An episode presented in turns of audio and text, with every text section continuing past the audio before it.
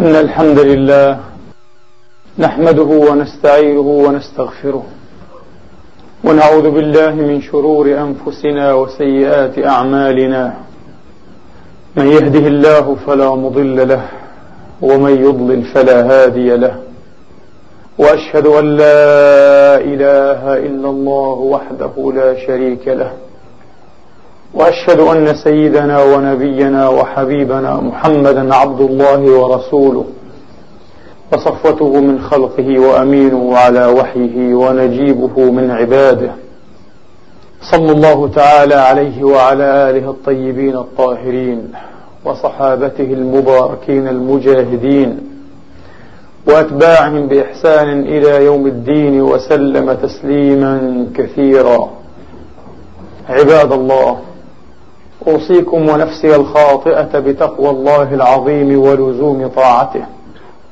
كما أحذركم وأحذر نفسي من عصيانه ومخالفة أمره. لقوله سبحانه وتعالى من عمل صالحا فلنفسه ومن أساء فعليها وما ربك بظلام للعبيد. ثم أما بعد أيها الإخوة المسلمون الأحباب أيتها الأخوات المسلمات الفضيات يقول الله سبحانه وتعالى في كتابه العزيز بعد أن أعوذ بالله من الشيطان الرجيم. بسم الله الرحمن الرحيم.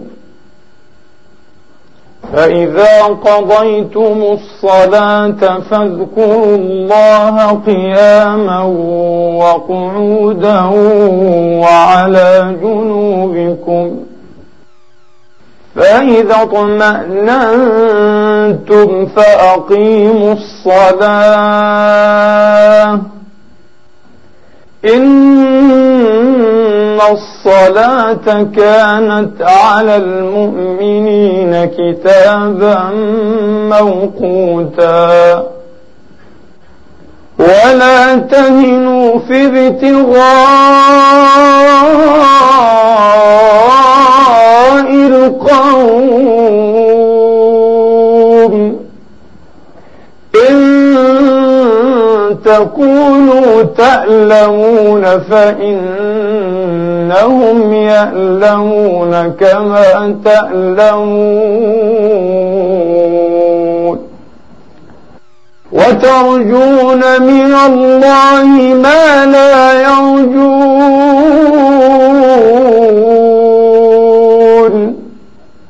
وكان الله عليما حكيما. صدق الله العظيم. وبلغ رسوله الكريم ونحن على ذلك من الشاهدين. اللهم اجعلنا من شهداء الحق القائمين بالقسط. آمين. اللهم آمين. أيها الإخوة الأفاضل أيتها الأخوات الكريمات كما نعلم جميعا عامان على انتفاضة إخواننا وأخواتنا وأهلينا على انتفاضة شعبنا العربي المسلم البطء الأبي في أرض الجهاد والرباط في أرض التين والزيتون في أرض الإسراء والمعراج في الأرض المقدسة التي باركها الله للعالمين وبارك فيها وبارك حولها وبارك من فيها ممن ظل على العهد مستمسكا بالميثاق لا يحيد ولا يساوم ولا يتراجع ولا يخامره يأس ولا يداخله تخون من رحمة الله ومن نصره سبحانه وتعالى. فهو فائز ومنصور على كل حال في الدنيا والآخرة. بعد هذين العامين أيها الإخوة على هذه الانتفاضة البطلة إن صح التعبير. يمكن أن يقال كلام كثير ويمكن لكل أحد أن يزايد ويمكن لكل أحد أن ينظر وأن يدعي الحكمة وأن يدعي فهم السياسة والعمل السياسي بل أن يزعم أيضا أنه من أصحاب النظر الاستراتيجي الاستخطاطي كما يقال البعيد وهذا الذي يفعله للأسف على صفحات الصحف والجرائد اليومية كثيرون وعلى شاشات الرأي أو التلفاز أكثر أيضا. يدعون أنهم جاءوا بعد عامين من الدموع ومن الدماء ومن التضحيات ومن الصبر والثكل واليتم والألم والخوف والفزع. بعد هذا كله يأتي بعض هؤلاء ليزعم أنه قادر أن يقدم النصح لهذا الشعب ربما الأعمى الذي لا يدري ولا يعرف كيف يسير. هكذا يفعلون معنا للأسف. صباح مساء. ويرموننا بكلام يصيب بعضنا بالقنوط أي باليأس ويصيب البعض الآخر بالصداع ويصيب أكثرنا من عقلائنا بالقرف والاشمئزاز. قبيح جدا بالإنسان أن يكون في معسكر المخذولين. في معسكر القاعدين من أهل الجبن من أهل الخوف وبعد ذلك يدعي أنه قادر على أن يبصر المجاهدين قادر على أن يبصر أصحاب الهمم العالية وأصحاب النفوس الأبية وأصحاب الاستقامة على مواثيق الشرف والشهادة والوطنية والصدق والولاء الحق لله ولرسوله ولأمتهم. ولمبادئهم ولعقائدهم. قبيح جدا. القبح كله يتركز في هؤلاء وفي منطق هؤلاء. كما قلت لكم يا إخواني وأخواتي وسع المرء أن يتحدث طويلا وأن يقول كثيرا وكثيرا. ولسنا هنا والحق يقال في مقام الحديث فقد مللنا الحديث. قد مللنا الحديث وكرهنا الخطب لأن أمثالنا من الضعفاء المساكين لا يملكون إلا الكلام وإلا الأحاديث والخطب. ونأمل أن تغير ولو بعض الشيء إن غيرت أو انتاحت لها فرصة أن تغير على كل حال. وإذا أردنا أن نتحدث ولا بد ومن أسف أنه لا بد أن نتحدث حتى لا تمر الذكرى وهي ليست ذكرى هي واقع نازف وهي جرح مؤلم وهي أيضا مشهد أثيم أيها الإخوة. مشهد أثيم. تأثم فيه قطاعات كثيرة من الأمة. ليس الحكام فقط بل الشعوب. الشعوب التي تهب مرة وتجلس سنين. التي تصيح بنصف الفم مرة ثم تلوذ بالصمت سنين متطاولة. مشهد أثيم أيضا. مشهد أليم ومشهد أثيم في نفس الوقت. وإنا لله وإنا إليه راجعون. نعزي أنفسنا ونسليها بمصابنا في أنفسنا بمصابنا في إخواننا في شعوبنا في أمتنا على الإجمال. والله سبحانه وتعالى وحده هو المسؤول أن يبدل هذا الحال وأن يلهمنا رشدنا وأن يبصرنا بما فيه فلاحنا وبما فيه نجاحنا وبما فيه خروجنا من هذه الوهدة الزرية التي صرنا إليها منذ عقود متطاولة. ولا نعرف إلى الآن كيف الخروج منها. كيف السبيل. أيها الإخوة أقول إذا كان لابد أن نتحدث فلن نتحدث الحديث الذي أستبيحكم عذرا وأسمح لنفسي أن أصفه بالحديث المقرف. ونحن أيضا علكنا هذا الحديث مرات وربما سنضطر في ظروف انفعالية واستفزازية. لا نملك معها تركيزنا. ولا نملك معها. تقويم ما نقول. حق التقويم. ربما نعلكه أيضا مرات في مثل هذه الظروف. الحديث المقرف حديث إلقاء اللوم على أمريكا. وعلى الغرب. وعلى هذا الاستعمار أو الإمبريالية الجديدة. يتحدثون أيها الإخوة. وكأن أمريكا لا تعرف ما الذي تفعله. وكأن أمريكا غير مستبصرة بمصالحها وخططها ومظالمها في أنحاء الأرض كلها وبالذات في هذه المنطقة من أرض العروبة والإسلام التي يدعونها بالشرق الأوسط. وبالذات في فلسطين الحبيب. والآن الدور على العراق كما تتابعون وتسمعون كل يوم. الدور على الشعب العراقي. ليس على النظام العراقي كما يضحكون على ذقون البل والمغفلين. لا والله إنها على هذا الشعب. إنها على هذه الأرض على أرض الحضارة على أرض الشرف والمجد أيضا لأنها من أرض العروبة والإسلام. على كل حال هذا الحديث كما قلت لكم حديث مقرف. نظل نردد في الخطب وعلى الفضائيات أمريكا التي تعير وتكيل بمعيارين. أمريكا الظالمة ماذا نريد من أمريكا؟ هي تصرح بأنها عدو لنا وتريد أن تسحقنا. تريد أن تسحق كل شيء فينا. السفير الأمريكي قبل أسبوع تقريبا يكتب للأسف في جريدة مصرية سيارة ومهمة.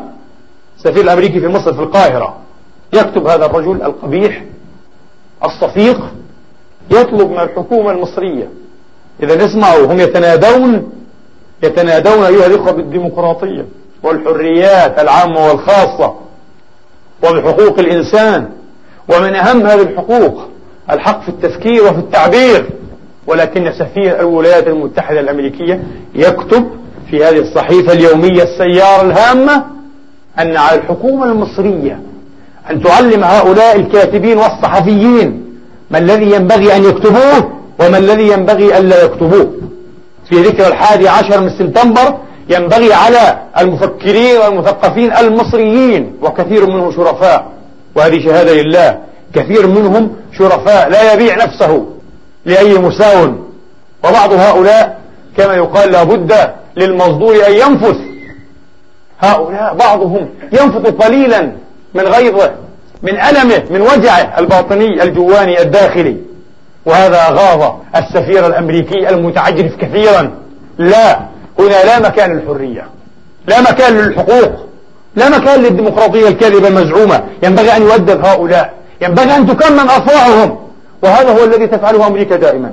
نحن نعلم هذا وهي تعلم هذا والعالم كله يعلم هذا. والذين يبدو أنهم لا يعلمون هم الذين يتمعقلون علينا ويعطوننا دروسا في الانحياز والمحاباة الأمريكية. فعلا أنهم لا يعلمون ذلك. يبدو أنهم وقعوا على اكتشاف.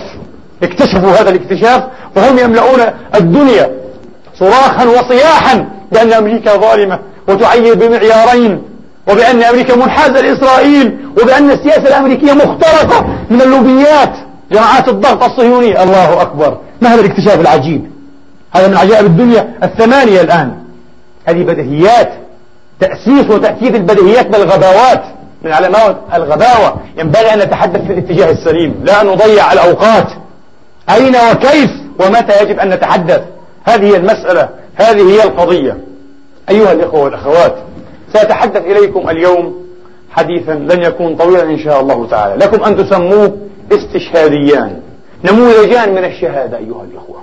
النموذج الأول الماجد الباذخ العالي المشرف بلا شك من الشهادة هو نموذج هؤلاء الاستشهاديين من إخواننا وآبائنا وأبنائنا في فلسطين الرباط والجهاد في فلسطين الطهر والقدس البطولة والشرف والمجد إي والله الذي يتابع ويرى وكلكم تتابعون وتسمعون وترون.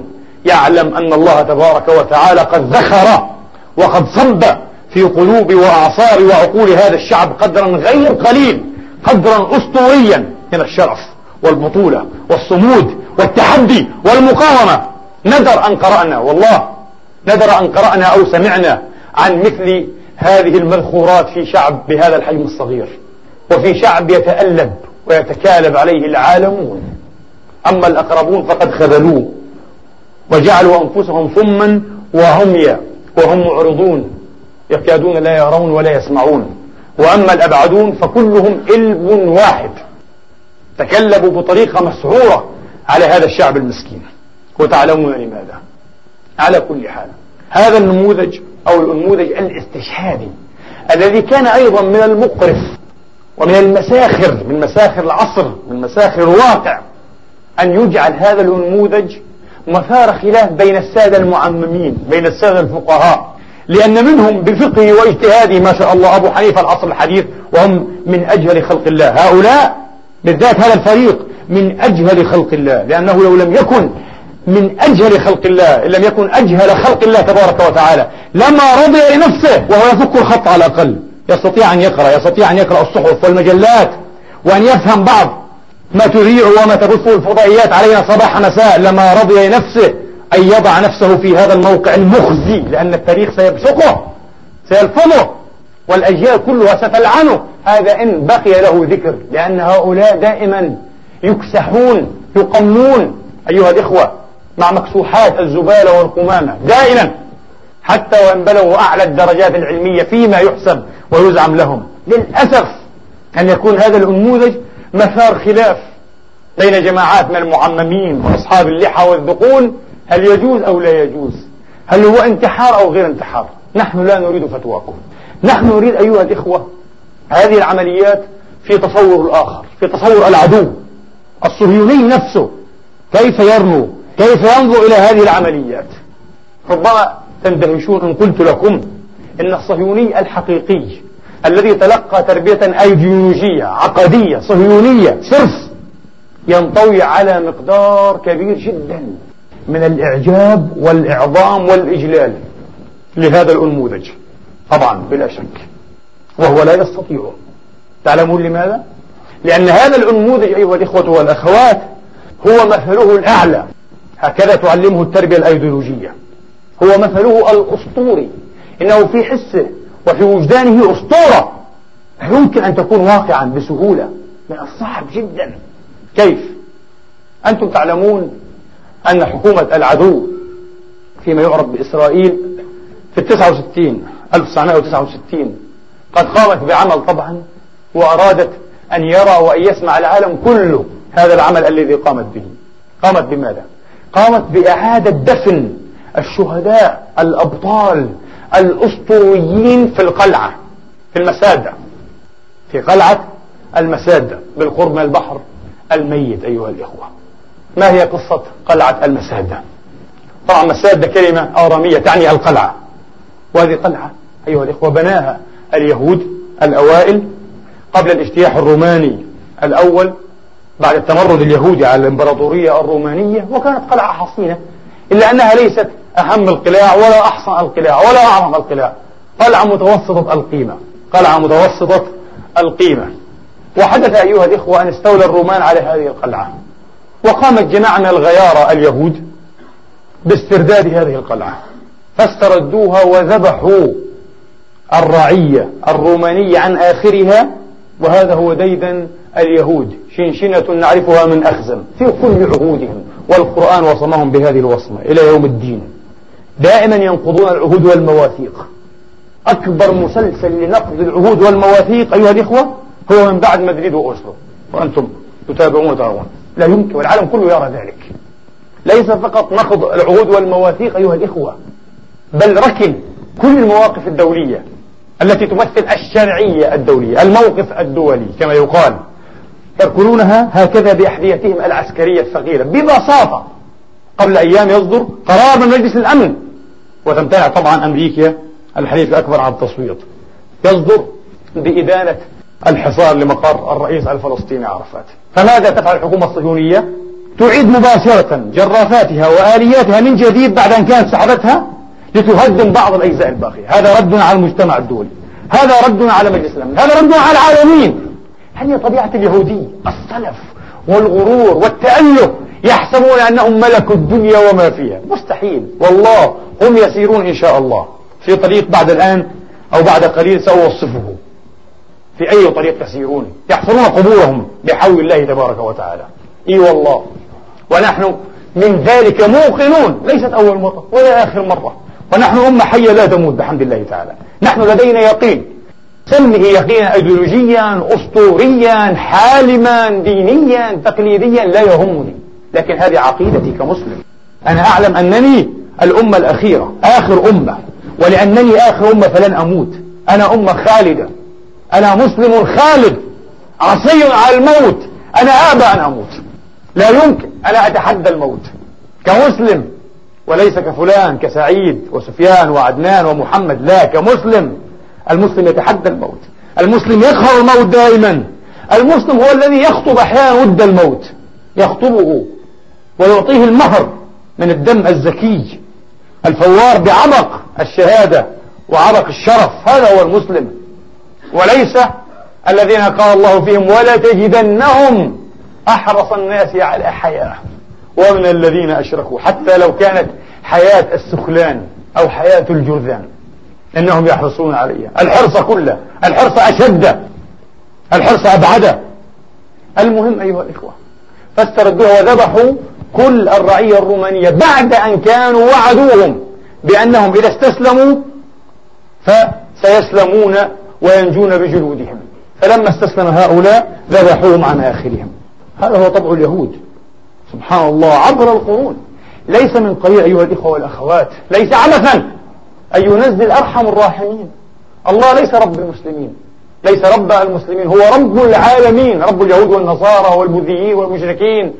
والكفر والملحدين والمسلمين. فهو رؤوف رحيم بعباده هو ربهم لا إله إلا هو. لكن ليس من قليل أن ينزل في خاتم كتبه قوله تبارك وتعالى وإذ تأذن ربك ليبعثن عليهم إلى يوم القيامة. من يسومهم سوء العذاب؟ إنهم ملعونون. لقد باءوا باقتدار وبجدارة بمقت الله وغضبه وكرهه ولعنته فلعنة الله عليهم أجمعين. وعلى من والاهم ليس من قليل لأن الله يعلمهم. تحسبون بعد ذلك أنهم يمكن أن يكسبوا المعركة؟ مستحيل. مستحيل لابد أن يخسروا يوما. ونسأل الله أن يقرب أجلهم وأن يكون يوما قريبا إن شاء الله تعالى. ويومئذ يفرح المؤمنون بنصر الله. ينصر من يشاء وهو العزيز الرحيم. اللهم آمين. لا يمكن لأنهم في حالة عداء وخصام حقيقي أزلي مع رب العالمين. لا إله إلا هو. بظلمهم. ونقضهم العهود بهذه النزعة الدموية الحمراء بهذا الكنود بهذا الجحود بهذه القسوة. قلوب صخرية أيها الإخوة. قلوب صخرية لا تعيش إلا على الإشلاء وإلا على الدماء وإلا على تسكين وتيتيم الآخرين وترويعهم وتفزيعهم. أطفال صغار ترونهم كل يوم. ابن أسبوع ابن أسبوعين ابن شهر ابن شهرين. لا يرحمون أحدا. وهكذا يعلمهم كتابهم. أن احرقوا واقتلوا ودمروا كل شيء. البهائم والأطفال والنساء والدور والمنازل كل شيء. خربوا عامرهم. نزعة عجيبة نزعة شيطانية إبليسية في هذا الشعب الملعون. لعائن الله عليهم متتابعة إلى يوم الدين. بعد ذلك أيها الإخوة وقام اليهود على عادتهم وأيضا هذه احفظوا هذه من صفاتهم. إذا استشعروا شيئا ما يعني قليلا إذا استشعروا قليلا قوتهم وجلدهم لا يمكن أن يحكموا في أنفسهم وأن يضبطوا نزعة البغي والعدوان مباشرة. لابد أن يبغوا ويعتدوا على من حولهم. دائما عبر التاريخ واقرأوا تاريخهم. لابد وأن يدعوا في نفس الوقت أنهم مظلومون وأن لهم الحق في تذبيح الآخرين. لأن عندهم هاجسا برضو أمنيا أزليا. أنهم مكروهون. بلا شك أن تكونوا مكروهين.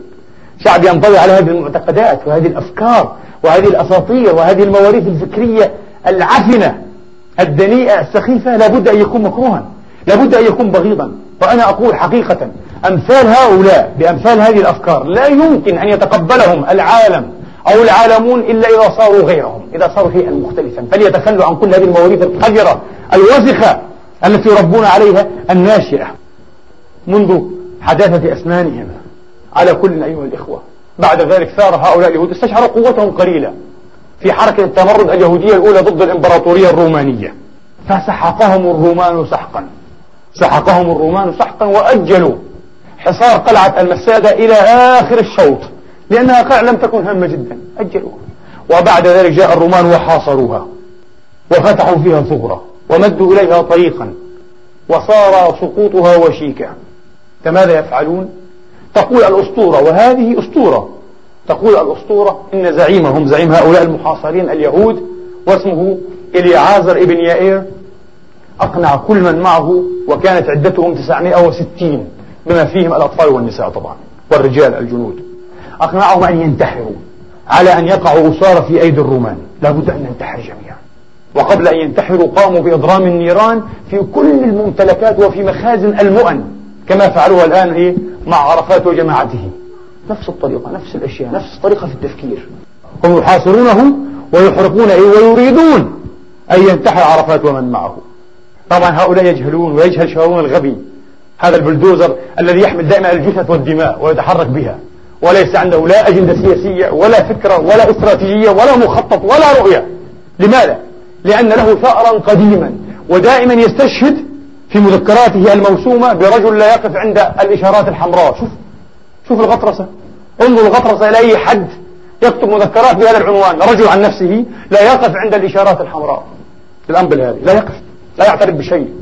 يعترف فقط إيه؟ بإرواء حقده وغله والتنفيس عن شخصية ملتافة أصابتها لوثة الإجرام وكره الآخر كره البشرية كره الآدمية كره النفس. هو قطعا يكره نفسه حتى هذا الرجل المسخ هذا القزم وليس هذا البشر الآدمي. على كل دائما يستشهد بأن أمه علمته وقالت له لا تكفر بالعرب عليك أن تكره العرب عليك أن تذبح العرب. مربى على هذه التربية. ناس معقدون ملتفون هو يستشهد بذلك دائما بأمي أن أمي علمتني لعنة الله عليك وعلى أمك. وعلى أمثال هؤلاء الأمهات الملتافات أيضا المجنونات. مفصومات الشخصية شعب مفصوم الشخصية. قيادات مفصومة سياسة مفصومة وضع كله مفصوم. والعالم يتفرج علينا وعليهم. طبعا مسرحية من أعجب ومن من أروع المسرحيات التي يشهدها التاريخ المعاصر. على كل حال أيها الإخوة هذه أسطورة المسادة طبعا في الفكر الديني التقليدي اليهودي هذه فعلة أثيمة لأن اليهودية كدين سماوي تحرم الانتحار شأنها شأن الإسلام والمسيحية. لكن الفكر الصهيوني الحديث وكما ذكر الأستاذ الدكتور المسيري أسطورة المسادة لم تعرف إلا في القرن التاسع عشر لأنها أسطورة.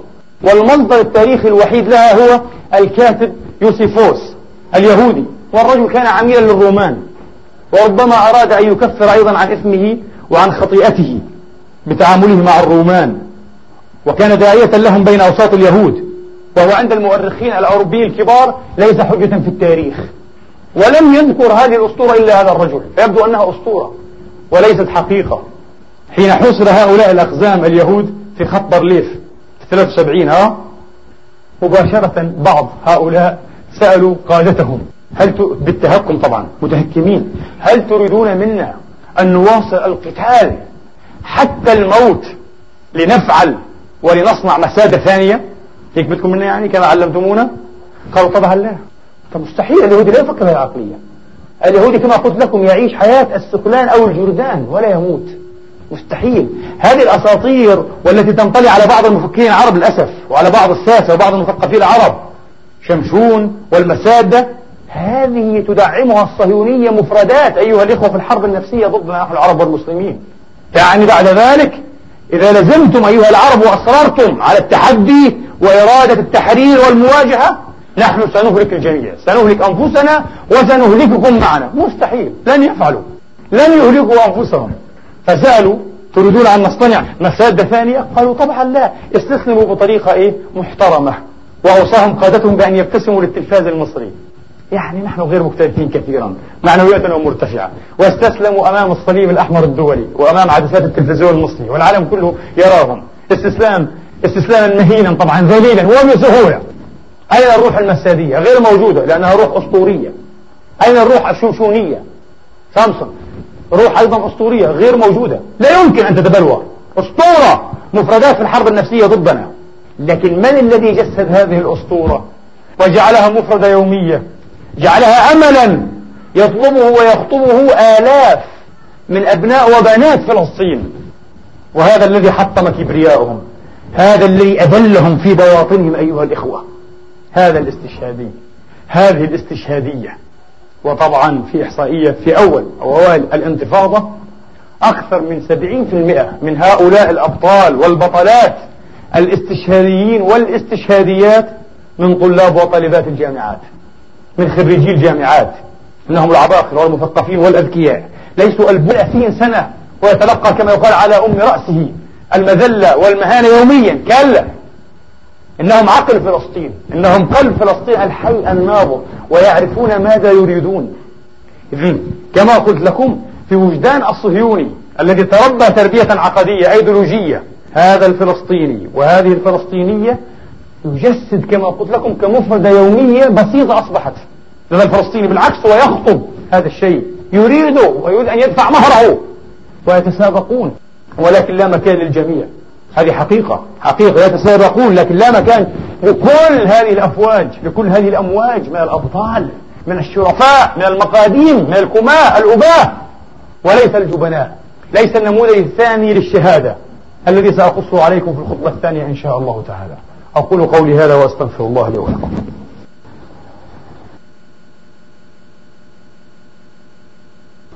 الحمد لله. الحمد لله الذي يقبل التوبة عن عباده ويعفو عن السيئات ويعلم ما تفعلون. ويستجيب الذين آمنوا وعملوا الصالحات ويزيدهم من فضله. والكافرون لهم عذاب شديد. وأشهد أن لا إله إلا الله وحده لا شريك له. وأشهد أن سيدنا ونبينا وقائدنا وزعيمنا محمدا عبد الله ورسوله. اللهم صل وسلم وبارك عليه. وعلى آله وأصحابه وأتباعه. وسلم تسليما كثيرا. أما بعد أيها الإخوة والأخوات نموذج لاستشهادي من نوع مختلف تماما. هذا في أقصى اليمين وهذا في أقصى اليسار. هذا في ذرى المجد وهذا في قاع الخساسة والنذالة والرذالة. هذا نتعشقه ونستهان بإجلاله واحترامه وهذا لا نملك إلا أن نلعنه وأن نبصق عليه. وعلى كل الذين غرسوا فيه مبادئ هذه الرذالة وأسس هذه النذالة. وعلى كل الذين سكتوا لأنهم أيضا بسكوتهم ساهموا. وسنعلم لأن هؤلاء الذين يدخلون في كل كثيرون وكثيرون جدا كتاب وصحفيون وإعلاميون ومثقفون وجامعيون وآباء وأمهات وحكام ووزراء من كل الطبقات من كل الشرائح. فلنقارن يستمع ولنقارن. يحكي هذه القصة أيها الإخوة صديق لهذا الشاب. لن أصفه بأكثر من ذلك. شاب شاب جامعي درس الأدب الإنجليزي في الجامعة وتخرج واشتغل أو عمل في شركة من شركات السياحة. طبعا. هذا الشاب كان مستهاما متيما عاشقا مدلها بحب ما دونه. ليس بحب فلسطين ليس بحب الأقصى ليس بحب التحرير. أبدا. هذا كله لا يعنيه غير موجود في قاموسه في وعيه ما دونه. غرفته فهو الرجل الناضج هكذا ينبغي طبعا أن يكون لأنه قضى حتى وانتهى من المرحلة الجامعية والمفروض أن يكون الآن أبا راشدا وواعيا ينشئ أسرة ويؤسس لجيل للأسف. غرفته كلها من الأرض حتى السقف صور ما دونه في الأوضاع المختلفة لما دونه. وتعلمون أنتم ما ما دونه. هذا الرجل أيها الإخوة لم يتزوج ورفض أن يتزوج. وكطالب وموظف ناجح يمكن له أن يتزوج وهذا أتيح له فعلا لكنه رفض. لأنه أصر في خياله أن يبقى متزوجا مما دونه. شخص يعيش إلى درجة ذهانية إلى درجة ذهانية أي جنونية. حب هذه الشخصية الساقطة السافلة ما يقول صديقه هو الذي يحكي القصة فقلت له يعني هل تريد أن تتزوج ما دونه؟ قال ولم لا. أنا أتزوجها كل لحظة في حياتي. يعيش معها في أحلام الله مفصوم المسكين. مفصوم فصل الشخصية. بعد ذلك أيها الإخوة وانظروا إلى هذا الاستشهادي البطل. ما كان منه إلا أن تابع مسلسل التدهور والسقوط. فكتب إلى مدونة وهو يعرف عنوانها طبعا وتلفوناتها وفكساتها ومحمولها ويعرف, كل شيء عنها ويعرف انضاءها كتب رسالة إلى مكتبها في أمريكا يقول لها أنا على استعداد لدفع حياتي كل حياتي بلحظة واحدة معك. الله أكبر. نموذج عجيب في هذه الأمة. طبعا هذا للأسف مثله كثيرون. ونحن عنهم غافلون أو متغافلون موجود. ولذلك حتى أمتنا الآن تعيش حالة فصامية أيضا. نماذج غريبة جدا من الوعي والمواقف والفهم والاستشهاد طبعا. يقول هذا الرجل. يكمل قصته وسرده. يقول وفعلا تلقى صديقي واسمه فلان بعد تقريبا شهر أو شهرين رسالة مكتب مادونة منظورة بمهرها وموقعة بتوقيعها الذي يعرفه جيدا. تقول له هل أنت جاد فيما تقول؟ إن كنت جادا فأجب علي ثانية. فله شو اسقط في يدي وأجاب عليه أجاب عن هذه الرسالة نعم أنا جاد وعلى استعداد أن أجود بحياتي لقاء لحظة مع ما دونه والعياذ بالله. فقالت له إذن في رسالة ثانية أرسل صورا من جواز سفرك وبعض الوثائق على هذا العنوان. ففعل وبعد أقل من أسبوع جاءته الفيزا أيها الأخوة. وتذكرة السفر. وقالت له تفضل على الرحب والسعة. أهلا وسهلا بك في أحضان أمريكا وأحضان ما دون. والله هذا ما تفعله أمريكا حتى مع زعماء بنفس الطريقة. ونشوف إيش الثمن. إيش الذي يقدم. وإيش الذي يعطى لنا. يطلبون منا كل شيء. لقاء التفيم والعشق في حب أمريكا. والولاء عبادة أمريكا. ذهب هذا الشاب وعاد بعد أكثر من شهر أيها الإخوة. يقول صديقه طرقت عليه الباب ففتح على استحياء. ولم يرد إدخالي إلا أنني دخلت بعد ذلك. ولم أجد صورة لما دونه. فسألته هل التقيتها؟ قال نعم. قلت له لا أنت تكذب. لو التقيتها لما نزعت كل صورها. ما الذي حدث؟ بعد اللتة والتي كما يقال بعد كلام طويل بدأ يعترف. قال له وصلت إلى المطار في نيويورك. فوجدت شخصا صفته كذا وكذا كان في استقبالي. وقال أنا مندوب ما دونه. أحد ربما أي مدراء الأعمال. وأنا مكلف باستقبالك. أهلا وسهلا بك فأنزلني في شقة فخمة في أحد الفنادق وقال له استرح من وحفاء ومن تعب السفر وسأعود إليك بعد قليل قال فعاد إلي في الساعة الحادية عشرة ليلا وهو مضطرب. فقلت ماذا؟ قال للأسف نبأ مفجع صديق ما دونه صديق ما دونه أصيب بحادث. فتضررت إحدى كليتي ولا بد له من كلية. وما دون الإنسان العظيمة وافقت على أن تتبرع لصديقها بكليتها لكن بعد الفحوص كانت غير مناسبة لأسباب مناعية. فقال أنا أتبرع بكليتي. لصديق ما دونه. انظروا لصديق ما دونه. لأجل عيون ما دونه. لأجل عيون أمريكا يمكن أن نخطب ود أحذية إسرائيل. يمكن أن نلحظ غبار حذاء إسرائيل. لأجل أن ترضى أمريكا. نفس الشيء موقف فردي وموقف جماعي للأسف. نفس الشيء. كمظهورات وتنظيرات مختلفة الحجم. لكن بنفس المنطق. يقبع خلفها منطق واحد. قال فأخذوني ووقعت من بلاهتي على أشياء لم أقراها. قال ولم أستفق. استفاقة تامة إلا بعد نحو شهر. قال وجاء هذا الرجل نفسه. وقال ليطب خاطرك كل شيء على ما يرام. أتؤلمك عينك؟ قلت له عيني. قال فوضعت يدي وإذا هو غائب عن الدائرة أنه متعب مجهد جدا مسكين. ربما كان أي في حالة خطرة. قال فوجدت لي عصابة وضعت على عيني اليسرى. قال فسألته هل أخذتم شيئا آخر غير الكلية؟ قال اضطررنا إلى أخذ العين اليسرى. قطع غيار لابد منها. فسنحنا سنحنا على ذلك. سنركب لك عينا زجاجية. ولن ينحظ الفارق أحد من الناس. الله أكبر. الله أكبر. إيش الحب القتال الحب ما قتل. قلت له وما دونه؟ هل ستقابلني؟ فيريد منها. ربما إيه؟ نظرة لاجيوكندية. نظرة حانية آسية. ربما دمعة واحدة تكفيه تعوضه هذا الأجذب كما يقال هذا الدرويش هذا الغبي هذا القزم العربي المسلم عن كليته وعينه اليسرى. للأسف حتى هذه النظرة لم تجد ما دون بها عليه. قاله الأسف هي الآن في رحلة النقاهة مع صديقها في إحدى الجزر. ولن تتمكن من الرجوع وأنت قد أوشكت فيزتك على الانتهاء ولا بد أن تغادر البلد. ولكن هي تركت لك هذا المبلغ تطيبا لخاطرك خمسة آلاف دولار.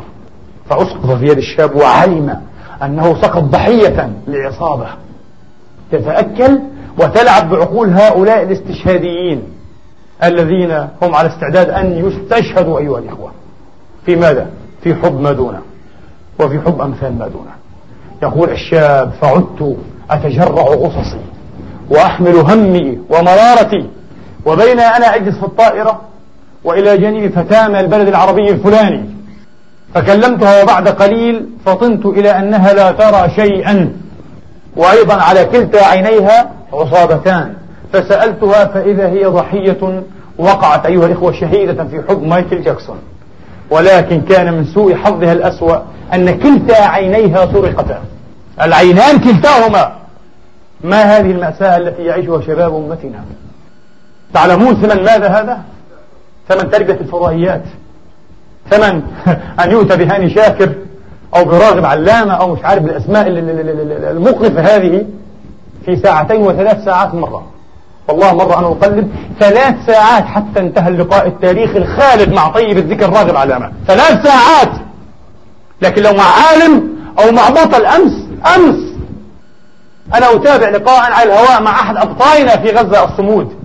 يقول له المذيع من فضلك من فضلك لابد أن تنهي ولابد أن أطرح آخر سؤال لأن الوقت محسوب علينا بالثواني. الله أكبر بالثواني. ومع راغب علامة بالثلاث ساعات. والله ثلاث ساعات يا إخواني على الإم بي سي. ثلاث ساعات. هذا هو الثمن. أن يخرج لنا مثل هذا الجيل المائع هذا الجيل الهلامي. بالعكس حتى الهلامي عنده نوع من التماسك. هذا الجيل الذائب هذا الجيل التائه الحائر المنعدم لا يربطه شيء لا بأمته لا بعقيدته لا بإخوانه لا بأرضه لا بعرضه لا بشرفه لا بدينه. من أجل هؤلاء جميعا. ومن أجل أيضا هذه المعاني أيها الإخوة يصر الجميع الأعداء في الخارج والأولياء لهؤلاء الأعداء في الداخل على ضرورة تجفيف المنابع. الآن بدأنا نسمع نغمة جديدة. أناس من الإسلاميين أو من المسلمين يعتقلون يعذبون يحاكمون أو لا يحاكمون هكذا يرمون في السجون. مع أنهم لا علاقة لهم بالسياسة ولم يمارسوها بل ينفرون من ممارسة السياسة ويحرمون على أتباعهم أن يمارسوا السياسة وأن يتلطخوا بألاعيبها كما يقال. إذا ما السبب؟ ما الداعي ما الحافز لاعتقال هؤلاء وأن تفعل بهم الأفاعيل قال لك تجفيفا للمنابع آه الله أكبر. معناها لابد أن يقطع الإسلام من أصله. ما يبدأ شيء اسمه إسلام إطلاقا. لا معتدل ولا غير معتدل. وكل هذا أيها الإخوة أيضا يدفع مهرا لماذا؟ مهرا لحب أمريكا. لأن أمريكا تريد ذلك. تريد تجفيف المنابع وتريد تغيير المناهج. بأي طريقة؟ قطعا تريد تغيير المناهج بطريقة تخرج لنا أمثال هذا الشهيد. شهيد مادونا أو شهيدة مايكل جاكسون. نسأل الله تبارك وتعالى أن يلطف بنا وأن ينور لنا سبيلنا وأن ينور عقولنا.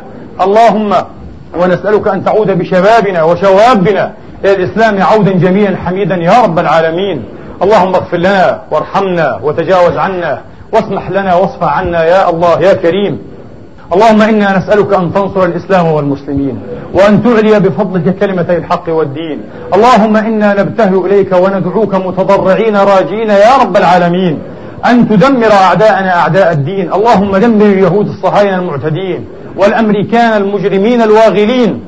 اللهم دمرهم جميعا تدميرا. اللهم اكفنا بأسهم واكفنا شرهم يا رب العالمين. اللهم اجعل تدبيرهم في تدبيرهم وأدر عليهم دائرة السوء فإنهم لا يعجزونك. اللهم وحد صفوف أمتنا. اللهم أصلح ذات بين أمتنا. اللهم واجمع أمرهم على أمر رشد يا رب العالمين. تعز فيه أولياءك وتذل فيه أنوف أعدائك. يعمل فيه بطاعتك يؤمر فيه بالمعروف. وينهى فيه عن المنكر. إلهنا ومولانا رب العالمين. عباد الله إن الله يأمر بالعدل والإحسان وإيتاء ذي القربى. وينهى عن الفحشاء والمنكر والبغي يعظكم لعلكم تذكرون فستذكرون ما أقول لكم وأفوض أمري إلى الله. إن الله بصير بالعباد وقوموا إلى صلاتكم يرحمني ويرحمكم الله.